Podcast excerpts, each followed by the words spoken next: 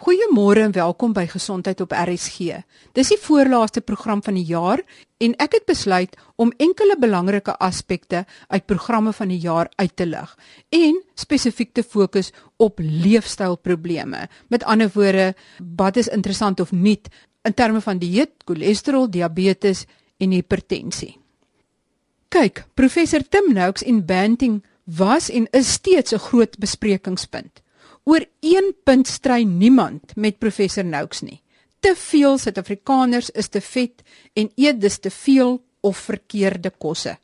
Almal wat oorgewig is en dit is sowat die helfte van die bevolking moet inderwaarheid hulle kilojoule of kalorie-inname beperk en minder vetmaakkosse eet.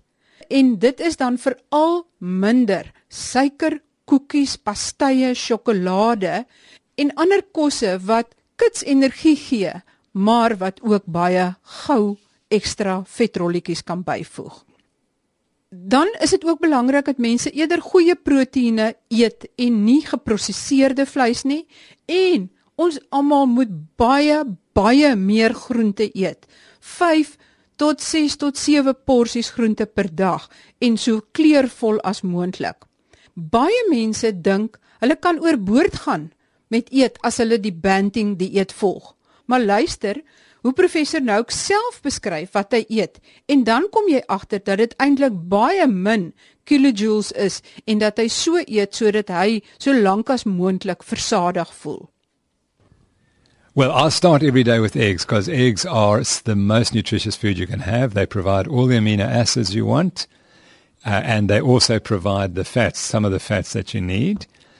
And so I will have them, and then I'll have other fatty foods as well, and protein foods, which will change from day to day. Maybe bacon, maybe sausages, or pasture raised. All these must come from pasture raised animals. And I might have some yogurt and cheese and butter. So it's all high fat. And why is that? Because that will keep me satiated till at least four o'clock in the afternoon. I will not think about food from seven o'clock in the morning till four o'clock in the afternoon.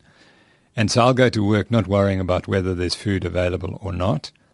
And by four o'clock, I might well be feeling a little bit peckish. So then I would have some macadamia nuts, some biltong, again, grass fed, if I can find it, with nice yellow fat, not white fat, must be yellow fat, and cheese. That would be the snacks. And then in the evening, I will have maybe fish or chicken or lamb. Lamb's my favorite because I think that's the the healthiest meat that you can have. And if you can get pork, pork that is also properly raised, and then lots of vegetables. And that's it. So I don't eat any sweets. I don't drink any cool drinks. I haven't had a sweet or a cool drink for three and a half years. I don't eat any desserts. I don't eat anything that is sweet. And I might finish up once a week with berries, either strawberries that are a bit sweet, but blueberries or blackberries and full cream yogurt or full cream.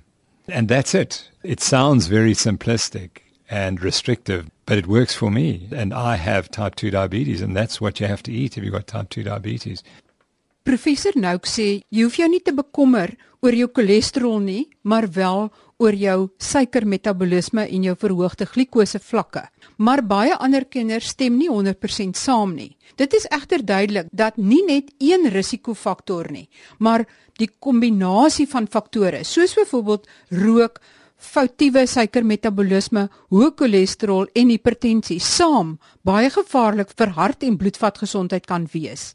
Ek het met professor Dave Maree van die Grooteskier Hospitaal en een van die land se grootste kenners op die gebied van die effek van lipiede, dit is nou die mediese naam vir vette in die bloed gepraat en dit is wat hy te sê het oor cholesterol. Die lae digtheid cholesterol of LDL cholesterol is die ene wat meer gekoppel is aan hartvaskiekte.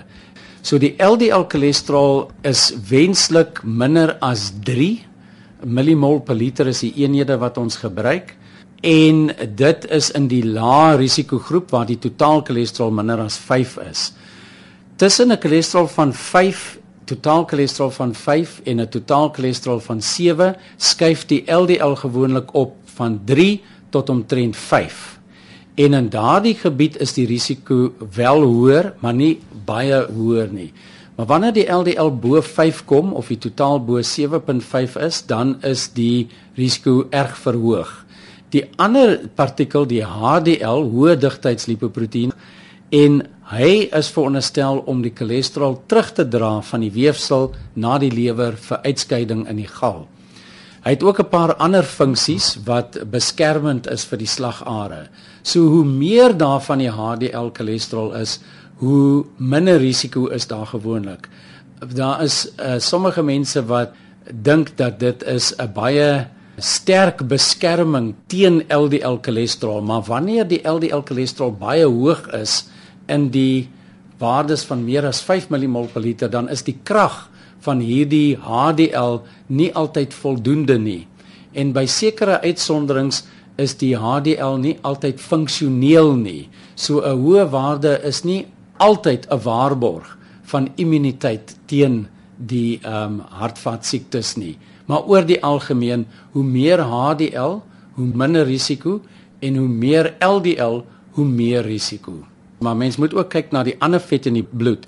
Die trigliseried het ook 'n verband met hartvaskiekte, maar minder sterk as die van LDL en HDL.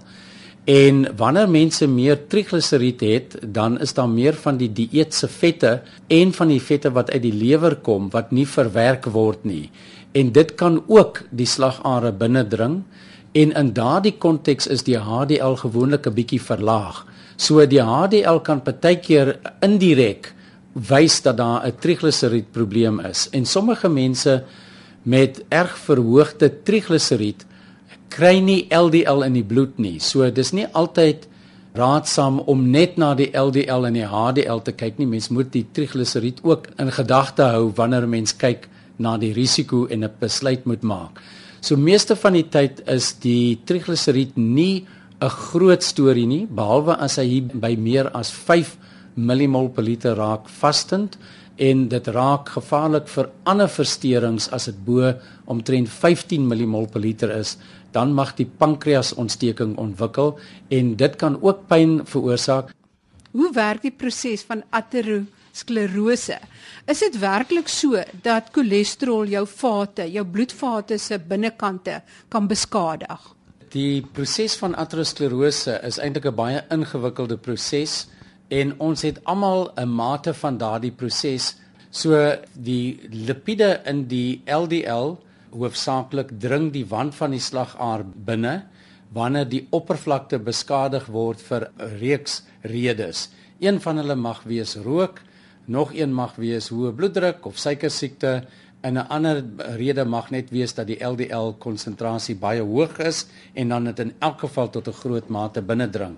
Wanneer dit die wand van die slagaar binnendring, is daar 'n reaksie wat dieselfde gaan wees ongeag die oorsaak van die skade en dit is dat daar wit selle in die wand inkom en 'n proses aan die gang sit wat ons inflammasie noem en dan is daar ook 'n proses waar daar herstel gedoen word waarvan die gladde spierweefsel natuurlik vermenigvuldig en die slagaar dikker maak. Maar die vette kan in 'n klein poel bymekaar kom en mens sien dikwels sulke klein geel spikkels as 'n mens 'n oopgesnyde slagaar uh, aanskou selfs in tienerjare en by ouer mense raak dit natuurlik meer nou wanneer daar 'n groot versameling van vet is en nie baie verdikking om daardie plek nie dan mag die oppervlakte skeur en ons is almal bestem om 'n bloedklont te kry waar die oppervlakte van 'n slagaar beskadig word. Dis baie goeie nuus as jou slagaar gesny is want dan sal die bloedstolling voorkom dat jy baie bloei. Uh, maar as dit nou slegs 'n klein letsel is aan die binnekant en die slagaar andersins is nog intakt, dan kry die deel wat aan die agterkant van die letsel lê nie voldoende bloedtoevoer nie. En as daar 'n kleinerige klont gekom het, dan kry jy mens miskien net 'n effek by inspanning, byvoorbeeld as 'n mens stap en die hart moet harder werk, dan kan daar borspyn intree wat ons noem angina pectoris en wanneer jy dan weer jou pas verminder, dan gaan die pyn weg. Dit is 'n teken dat die bloedtoevoer ontoereikend onderdruk is maar by rustende toestande is dit voldoende. Dieselfde kan in die been gebeur, sodat wanneer jy stap, kan die kuit pynlik raak en wanneer jy dan ophou, raak dit beter. As die bloedtoevoer in die been permanent afgesny word, dan sal die kleur natuurlik verander. Dit is dikwels meer in die voete en veral in mense met langdurige suikersiekte is dit 'n groot probleem en daardie gebrek aan vloei kan dan veroorsaak dat die weefsel sterf en dat 'n been afgesit moet word. Die hart oorleef sulke skade baie beter. Die proses word aan die gang gesit dat daar by volkomme afsny van die bloedtoevoer vir etlike ure pyn is en dan hou die pyn op en 'n litteken vorm in daardie gebied. Natuurlik as dit 'n redelike groot gebied is wat beskadig is, dan is die pompaksie minder en dan kan 'n hartversaking intree of 'n ritmeversteuring kan intree gedurende die tyd dat daar nie voldoende bloedtoevoer is nie. So van 'n hartaanval herstel 'n mens gewoonlik. In die brein is die dinge 'n bietjie ernstiger. 'n tydelike onderbreking van bloedtoevoer kan uh, veroorsaak byvoorbeeld dat die krag in die arm verdwyn of die krag in die been of daar mag verlies wees van spraak en die breinselle kan net vir 'n korter tydjie 'n gebrek aan bloedtoevoer oorleef. Wanneer die bloedtoevoer vir 'n lang tyd afgesny word, dit is nou meer as 'n paar minute, dan mag daar permanente skade wees wat ons uitken as 'n beroerte. So daar is verskillende uitkomste in verskillende organe van die proses waar die aterosklerose 'n komplikasie kry waar die letsel skeur en dan die stolling veroorsaak. En dit is deels hoekom dit so moeilik is om te voorspel wat die risiko is van iemand. Ons weet nie tot watter mate elke faktor skade doen nie en tot watter mate daar goeie of slegte reaksies is op daardie skade om te voorspel presies hoe lank dit gaan neem voor 'n letsel gaan komplikasies veroorsaak. Dankie professor Dave Maree. Net soos 'n mens jare lank onbewus kan wees van aterosklerose in jou bloedvate, net so kan dit 7 tot 10 jaar neem vandat jou suikermetabolisme begin wanfunksioneer totdat jy met tipe 2 diabetes gediagnoseer word. En in hierdie tyd kan daar reeds allerlei komplikasies en orgaanskade begin ontwikkel. Net so is hoë bloeddruk ook 'n stil siekte sonder enige simptome wat terwyl jy salig onbewus is daarvan skade aan jou organe kan veroorsaak. Professor Brian Reiner hoof van nefrologie en hipertensie by die Groote Skuur Hospitaal en aan die Universiteit van Kaapstad, is een van die land se grootste kenners op die gebied van hipertensie. Hy het sy kennis oor hoë bloeddruk met ons gedeel. Hier is 'n uittreksel oor enkele belangrike aspekte. Blood pressure is essential to perfuse your vital organs like your brain, your kidneys, your intestines, etc. And when your heart pumps, it generates the pressure when it pumps and when it relaxes, there's the pressure. So the pressure you see when they say 120, 80, 120 refers to when the heart contracts, and 80 refers to when the heart relaxes. Well, the importance of these two readings is that if either of them are elevated or both of them are elevated, then they are associated with increased risk of stroke, heart disease, kidney disease, and even dementia. The ideal blood pressure is under 120 and or 80. The level which we say that you have hypertension is when it's above 140 and or 90. In between, we call this high normal blood pressure or the Americans call pre-hypertension. That means you're not free of risk, but no one's established that treatment with drugs and medication will help you. So if you have prehypertension, we advocate lifestyle measures to make your blood pressure ideal. It's also important to remember that it's not a once-off reading. You've got to show that the blood pressure is elevated persistently more than one occasion. So if you're anxious or stressed, your blood pressure may be up. Even walking into a doctor's consulting room, your blood pressure may go up slightly and may be mislabeled as hypertensive. Professor Reiner, kan jy verduidelik wat gebeur in die liggaam as 'n mens hoë bloeddruk het? Hoe presies tas dit jou oë, jou niere, jou hart en ander organe aan? One thing that hypertension does, together with other risk factors like smoking, high cholesterol, and diabetes, causes a disease called atherosclerosis. The other very important thing that it does, it affects the very small vessels to your kidney, eye, and brain. And that disease can lead to progressive loss of kidney function and eventually to kidney failure. It also can, in the brain, lead to the same thing and result in progressive loss of brain function and to dementia. In the eye, it can affect the eye, and all the small vessels of the eyes can be effective. And if it happens in a critical area, may lead to visual loss.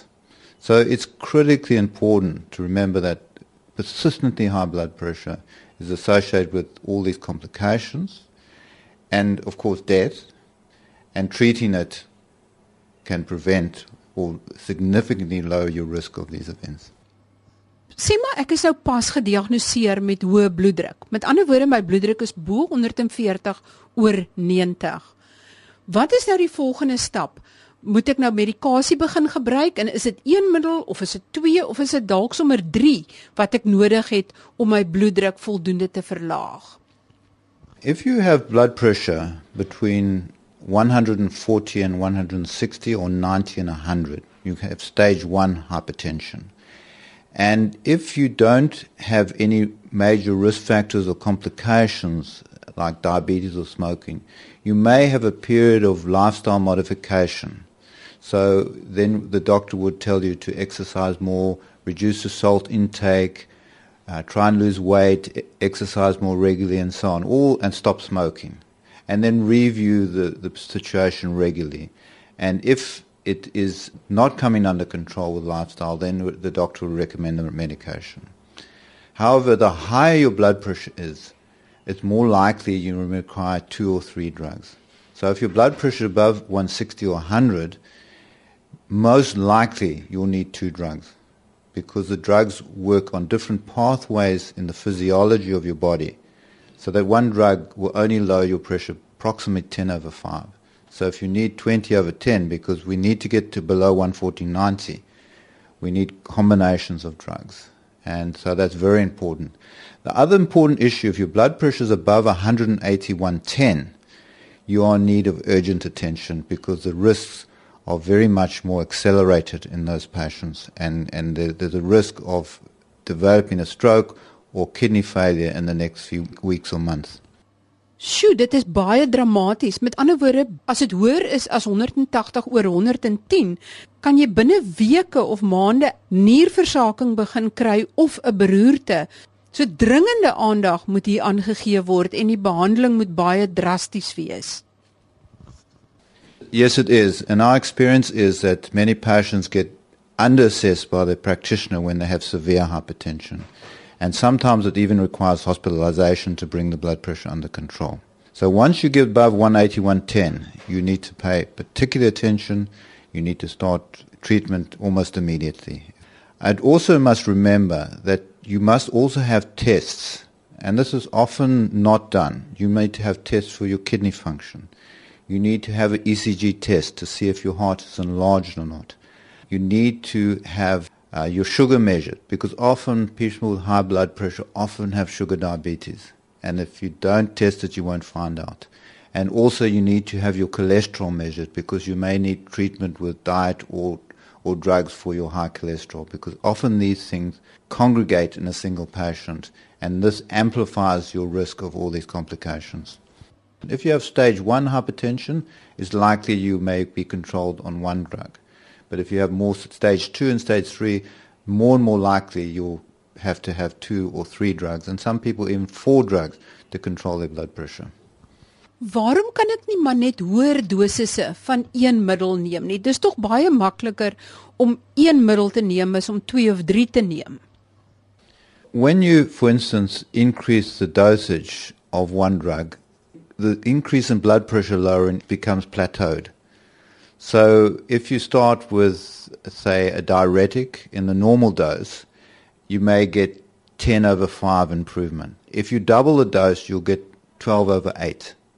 But if you combine it with another drug, you get a 20 over 10. In addition, if you take higher doses of drugs, the more likely you are to have side effects from the drugs. And if you get side effects, no one wants to take the treatment and usually discontinue treatment, which then opens the patient to the dangers of uncontrolled blood pressure. We must remember that over 50% of people with hypertension often stop their treatment by one year.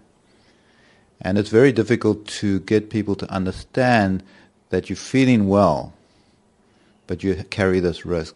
And once you've had your stroke, it's really too late in your life to rectify the situation.